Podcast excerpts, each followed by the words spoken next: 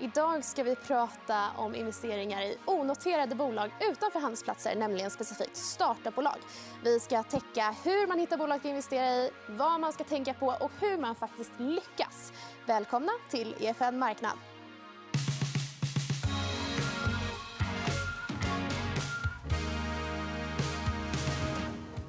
Hallå! Med oss i studion har vi Louise Samet. Välkommen.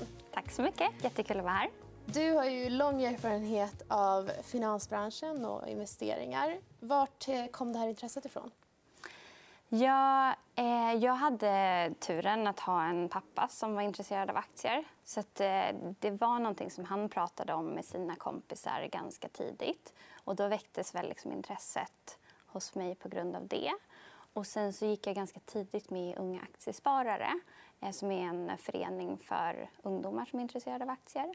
Och eh, utifrån det så blev jag liksom aktiv och eh, det växte helt enkelt bara från det. Mm, härligt. Och du investerar ju både på börsen och i onoterade bolag. Vad ja, är roligast? Ja, alltså det absolut roligaste är ju såklart eh, de onoterade bolagen. För Då kommer man mycket närmre bolagen och eh, entreprenörerna.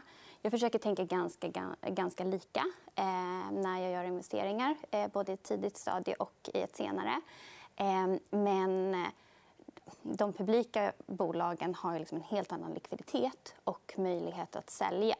Så där kan man ha mer pengar än man kan i privata bolag där det inte finns någon likviditet överhuvudtaget. Mm. Kul. Vi ska prata lite om det här med vad som krävs och hur mycket kapital man behöver. och så där. Men jag vill börja med att eh, plocka upp en krönika som du skrev i Breakit för nästan två år sedan. Nu. Den heter Vill du investera i startups? Då är mitt ärliga tips gör det inte. Varför ska man inte investera i startups? Ja, eh när jag skrev den där artikeln, eller krönikan så såg världen lite annorlunda ut eh, än vad den gör idag. Men det är trots allt så att eh, det enda som vi läser om i tidningarna är startups som lyckas. Därför så kan man lätt få en bild av att det är lätt att lyckas och att de flesta bolagen faktiskt går bra.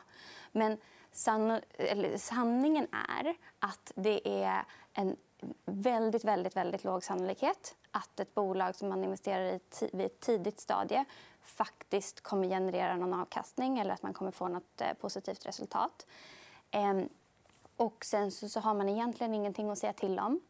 Ehm, eh, och det är inte då tillgång till de framgångsrika bolagen. Ofta kommer investerare vid ett senare stadie som ofta får preferensaktier som är mer seniora än sina egna. Ehm, och är man då liksom en vanlig ängelinvesterare eller privatinvesterare som inte har så mycket att säga till om och inte ska ha så mycket att säga till om heller då ska man räkna med att eh, förlora de pengarna som man har lagt in. Mm. Eh, sen är det också så att även om det blir framgångsrikt så tar det liksom minst tio år innan man ser någonting överhuvudtaget. Mitt, det första bolaget som jag, började, som jag investerade i för eh, vad är det, fyra och ett halvt år sedan nu. Det är fortfarande liksom väldigt långt från att eh, vara på börsen eller liksom mm. finnas någon möjlighet att få några pengar tillbaka överhuvudtaget. Men på papper så är det värderat eh, som en unicorn. Mm. Och Det är fantastiskt roligt. Men det är liksom, då har allting gått precis så bra som det bara går. Och Trots det, fyra och ett halvt år senare så sitter man liksom med en papperslapp som är värd pengar. Mm. Är det något speciellt som man måste kunna som investerare innan man går ut på marknaden och letar efter bolag att investera i? Ja, alltså det är bra tycker jag om man kan någonting. Mm. och då att man kan den saken mm. som man kan ganska bra. Mm. Det tycker jag är den bästa starten. Så att man är lite expert på nåt område? Ja, men man är duktig på någonting. Så jag kan produktutveckling och eh, försäljning framför allt och har varit en del av ett snabbväxande bolag. Och det blir som då mitt värdeerbjudande mm. till startups. För att när det kommer en privatperson så finns det liksom, ur, ur grundarnas perspektiv ingen anledning egentligen att ta in en privatperson. Mm. Och det är det första som man då som investerare behöver skapa. Så man har lite motstånd mot sig redan från början egentligen som privatperson? Ja, definitivt. Ja. Om det, men det beror lite på såklart. Men de bolagen som ofta liksom kan välja vilka investerare de ska ha, de behöver man ge en anledning till att de ska vilja välja en själv. Och har man då någonting som man är duktig på, man har ett värdeerbjudande, eh, man, alltså det absolut bästa man kan göra tycker jag är att hjälpa till Mm. Och spendera sin tid och liksom verkligen stötta eh, grundarna och bolagen. För det är då som man liksom skapar en möjlighet att få investera överhuvudtaget. Mm. Och att på, på så sätt också sen förhoppningsvis få möjlighet att investera i fler bolag. För att då kanske entreprenörerna säger så här, men Louise hon hjälpte verkligen mig med det här. Mm. Det verkar som att ni har lite liknande problem. Ni kanske skulle ta med henne. Mm. Eh, och det handlar inte ofta, eller det handlar oftast inte om att entreprenörerna behöver pengarna från privatpersonerna. För ofta så är det inte så himla stora summor och det kanske finns fonder som gärna lägger de större beloppen. Utan att ofta så är det väl kanske så att grundarna tar in eh, en runda och sen så är det någon fond som har lett den rundan och sen så tar de ett par strategiska eh, ängelinvesterare som kan hjälpa till med diverse saker som de tycker att de behöver hjälp med. För om det är någonting som jag tycker att fantastiska entreprenörer gör så är det att de förbättrar sig konstant och de jobbar med personer som kan hjälpa dem inom olika områden. Mm, just det. Och du är ju enligt en undersökning som gjordes av All Ears en av de mest omtalade investerarna i 2020. Behöver man höras mycket för att eh, få tillgång till de här bolagen och vara en sån här person som, man, eh, som de drar in när de behöver till exempel produktutvecklingskunskap? Eh, ja, alltså behöver, nej. Eh, sen så, så kanske det är lättare om man är top of mind. Eh, men eh, egentligen, det, det jag tror är absolut viktigast, det är att faktiskt hjälpa bolagen. För det är det enda som spelar någon roll i slutändan.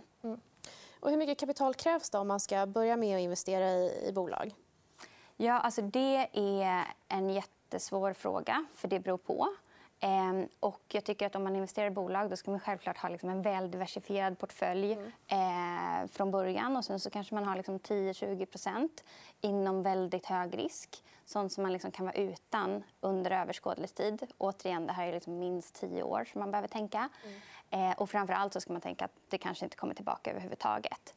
Eh, så man behöver ju en hel del pengar.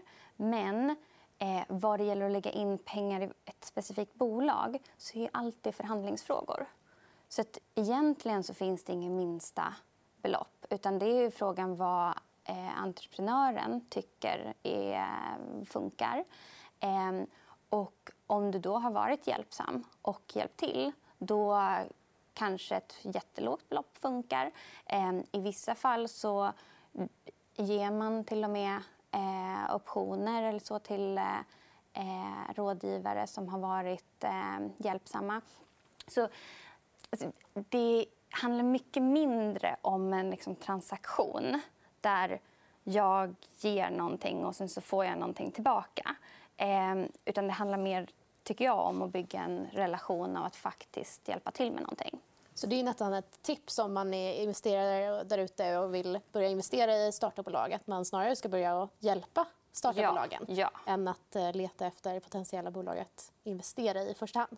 Ja, alltså, man kanske ska leta efter de bolagen som man verkligen tror på. Och sen ska man höra av sig och börja hjälpa. Härligt. Hur, eh, mer, vad finns det för fler sätt man kan, eh, eller fler ställen man kan hitta eh, startupbolag på?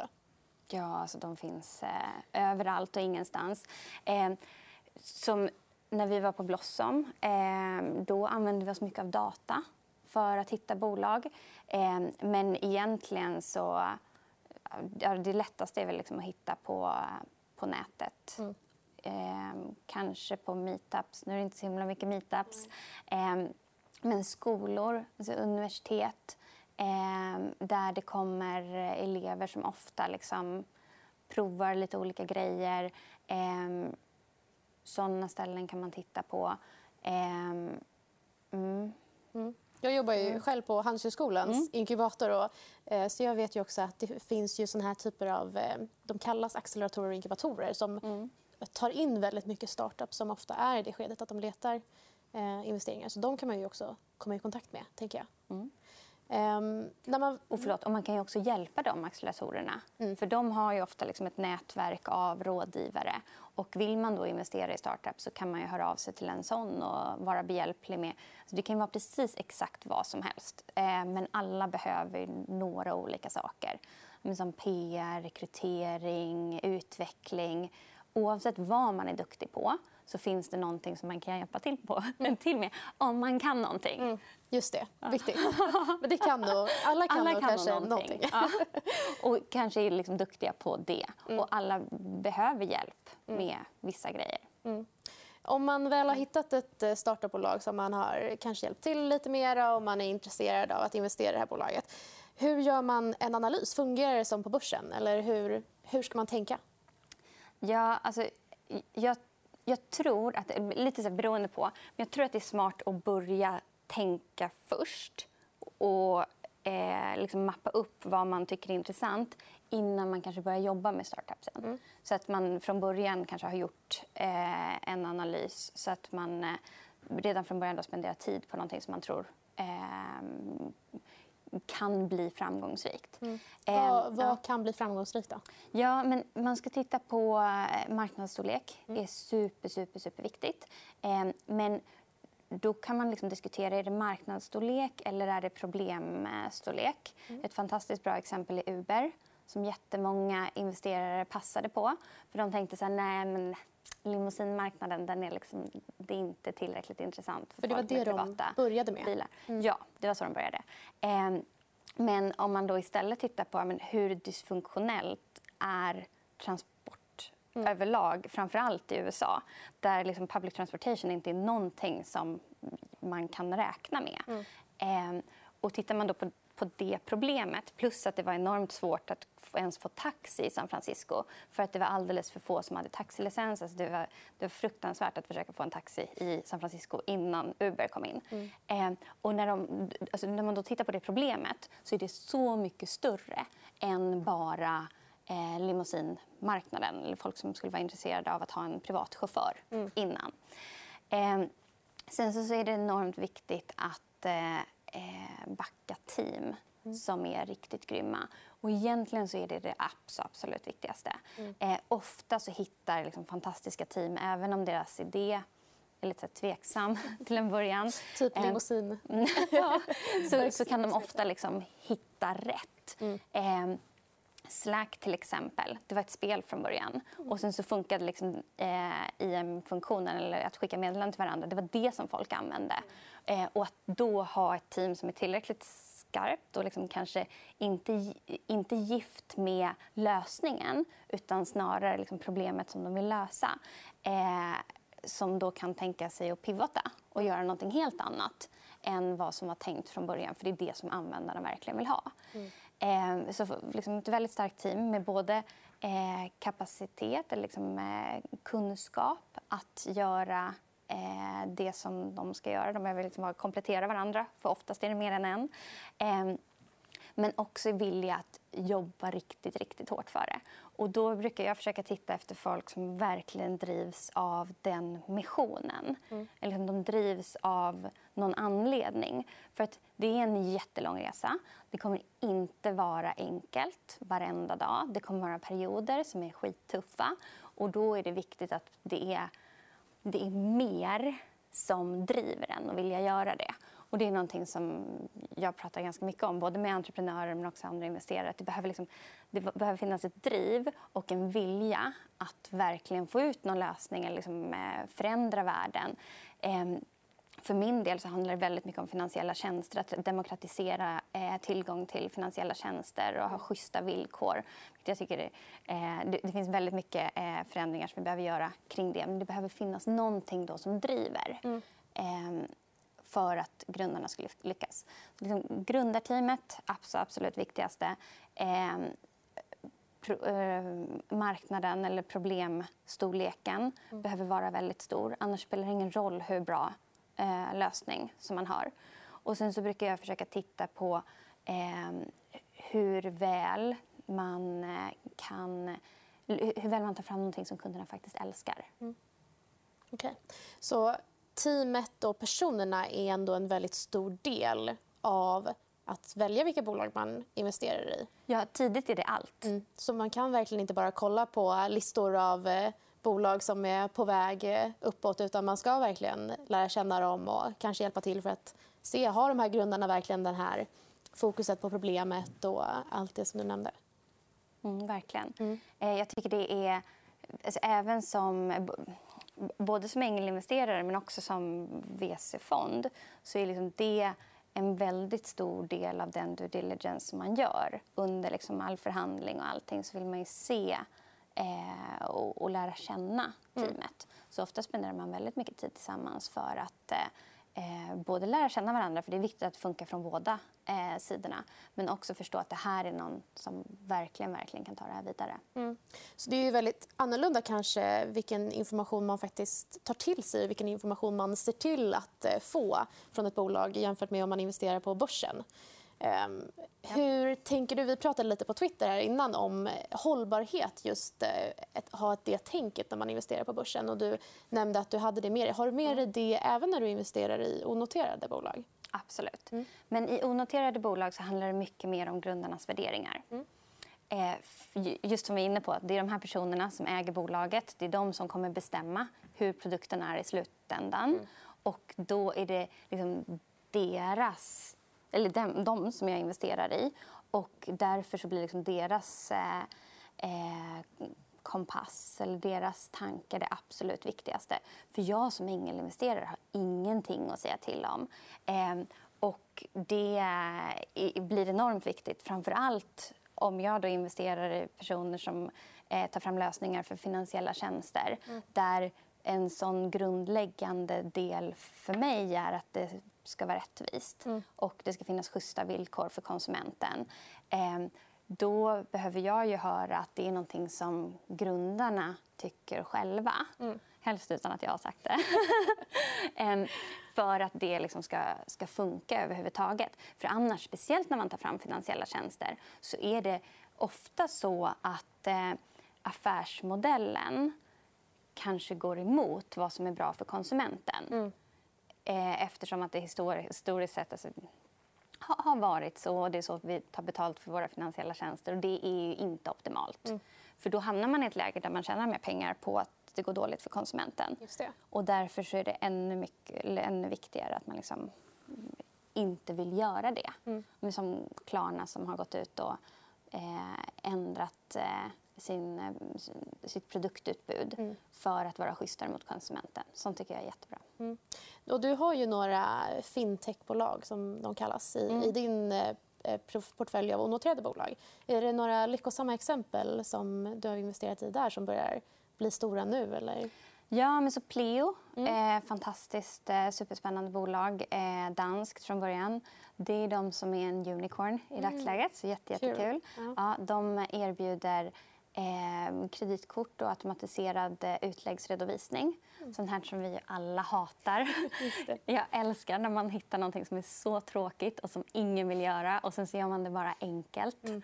Helt fantastiskt. Fantastiskt starkt team eh, också eh, som jag fick möjlighet att eh, backa. Mm. Ehm, ja, för hur träffade du dem? Då? Eller hur kom du i kontakt med det bolaget? Eh, så de fick jag intro till av några andra investerare. Mm. Mm. För att de visste att min erfarenhet kanske kunde vara behjälplig mm. eh, till det teamet. Så känna andra investerare låter också som en, ja, bra, det är viktigt. en bra idé. Ja. Nätverk är viktigt. ja. eh, Anyfin, mm. eh, som också just på liksom refinancing av consumer credit. Och den fick jag då från eh, att det var, eh, teamet hade tidigare varit på Klarna, Spotify och så, så, sådana som jag hade jobbat med. Och därför fick jag också vara möj möjlighet att vara med tidigt. Mm. Och det är just det, att få möjlighet att vara med tidigt. Det, eh, det, det, är därför det är det som är unikt och det man måste ha för att kunna göra investeringar som kanske blir någonting. Mm. För det är bara med de investeringarna som man egentligen kommer kunna betala tillbaka sina pengar om man nu har förlorat massa pengar på andra startupbolag. För det är ju väldigt riskfyllt. Ja. ja. ja. De, jag tror att om vi tittar på serie A till exempel så är det väl typ 40 procent som lyckas. Mm. Och om man då som ängel ofta går in ännu tidigare, då kanske 20 procent. Mm. Om man är uppe på 20 eh, procents framgång så är det liksom bra. Ja. Det är fortfarande ganska dåligt. Ja. Men då vill man ju se en enorm avkastning såklart på dem mm. om man ska göra sådana investeringar. Mm. Så det talar också mycket för att man ska just skapa den här diversifieringen även i sin onoterade portfölj då, till exempel? Verkligen. Och handlar det då om att investera i olika branscher eller kan man diversifiera även i samma bransch men med olika team? Eller hur ska man tänka? Ja, men man kan tänka lite olika. Att diversifiera överlag, det funkar. Eh, sen så, så eh, säger, har liksom Warren Buffett och många andra sagt att diversifiering är liksom också bara ett eh, plåster på såren om man inte har tillräckligt med kunskap. Mm. I princip. Inte de orden, men någonting annat. eh, så, som när jag var på Blossom då var vår strategi eh, att ha en högkoncentrerad portfölj. För vi var övertygade om att vi var bättre än att liksom köra spray and pray-metoden som mm. många andra gör. Mm. Eh, och därför kunde stötta, eller göra max fem investeringar per år och stötta de bolagen, jobba väldigt nära och därför se en högre eh, procent framgångsrika bolag än mm. många andra. Så man kan, göra, man kan göra precis som man vill. Mm. Eh, men eh, ja, det, det, det, skadar ju inte att ha mer än ett bolag i alla fall. Man kanske inte behöver ha 20 eller 100. Ehm, men eh, det finns så himla mycket annat som påverkar också. Alltså som även om man har, man har starkaste teamet, eh, man har ett problem som verkligen behöver lösas men man kanske inte har tajmingen i marknaden med sig. Alltså ett bolag som Klarna är någon som verkligen hade timing som kom ut i början av e-handel. E-handeln har vuxit så enormt mycket. Klarna har också haft möjlighet att växa tillsammans med det. Där har de liksom verkligen haft tur och nailat eh, timing. Mm. Eh, Medan det finns andra bolag som kanske kommer ut fem år för tidigt. Och även om allt annat stämmer så kanske man dör på grund av det. Mm. det. Så det finns alltid sånt som man kanske inte riktigt kan påverka eh, där man behöver ha lite tur också. Mm. Men tur kommer också till de som förbereder sig. Så man kan... Just det. Ja. Ja. Det är inte alltid lätt att veta hur marknaden förändras. Nej, verkligen inte. Och Speciellt inte nu med pandemin. Mm till exempel. Mm. Så det är någonting som... Jag har alltid liksom fokuserat på digitalisering. Det har varit fantastiskt nu. Men det finns ju andra saker som man kanske inte hade eh, kunnat förutse på samma sätt. Mm. Men det är väldigt intressant allt som händer på marknaden just nu. Och jag vet ju att du är väldigt high på börsnoteringar också. Bolag som ska ta sig till börsen, som kanske till exempel är startupbolag. Um, har du några eh, lyckade exempel på noteringar som du har varit med på? Um där jag har varit med och investerat i samband med noteringar. Ja, precis. Ja, alltså, eh, ofta så är det väldigt svårt att få tillgång till eh, allokeringen i samband med noteringen. Det finns vissa fonder som är duktiga på det, vilket kan vara en anledning om man investerar i sådana fonder. Eh, men Unity är ett bolag som gick publikt förra året som jag var eh, satt på köpknappen mm. eh, i samband En plattform för att eh, bygga spel? Ja, precis. Ja. Ehm, och, ja, men Unity har väl liksom hittills gått okej. Okay. Nu har man ju otroligt höga förväntningar givet hur marknaden har utvecklat sig. Men, men ett bolag som jag tror väldigt, väldigt starkt på eh, framgent. Eh, Upstart eh, är ett bolag som jag eh, investerade i som erbjuder schyssta eh, finansiella produkter i USA. Mm de är typ alltså upp över 600 procent oh, wow. eh, från december, mm. vilket är helt galet. Nu jag har väldigt svårt att motivera den här värderingen, vilket ju liksom är återkommande när man kommer in eh, i såna bolag. Men de här bolagen är liksom sånt som... Många frågar mig är det för sent. Mm. Nej, det är inte för sent. Alltså, titta om man hade investerat i Google, eller Shopify eller Amazon eller vad som helst. Eh, det finns enormt potential. Och tittar man på när värdetillväxten kommer så är det väldigt, väldigt mycket efter IPO. Mm. Airbnb också. också, också. Alla de här bolagen de är så sjukt högt värderade just nu. Eh, men det tenderar också bra bolag vara. Mm. Har du några spaningar här framgent då, på startupbolag som ska ta sig till börsen som du är intresserad av att investera i? Ja, alltså, jag vet inte riktigt vilka jag är intresserad av att investera i än. Eh, men som svensk så är Truecaller superspännande att den kommer ut att den kommer ut på svenska börsen. Mm. Jag undrar lite så här, men varför kommer den ut på svenska börsen. Mm. Eh, men grundarna är ju ändå eh, svenska bolaget är svenskt, drivs här. Det kanske är därför. Eh, jag hade personligen troligtvis kanske valt någonting annat. Ehm, eh, men det är självklart en fantastisk framgång för eh, svensk startup, mm. eller svenska tekniksektorn. Så jätte, jätte, jättekul och spänd på att de ska dela lite mera siffror. Mm. Eh, för det har jag inte sett så mycket där än. Superspännande. Tack så jättemycket för att du kom hit, Louise Samet. Tack snälla för att jag fick komma. Eh, det var allt vi hade i dagens EFN Marknad. Men vi är tillbaka på fredag för då pratar Albin allokering och strategi. Vi ses då.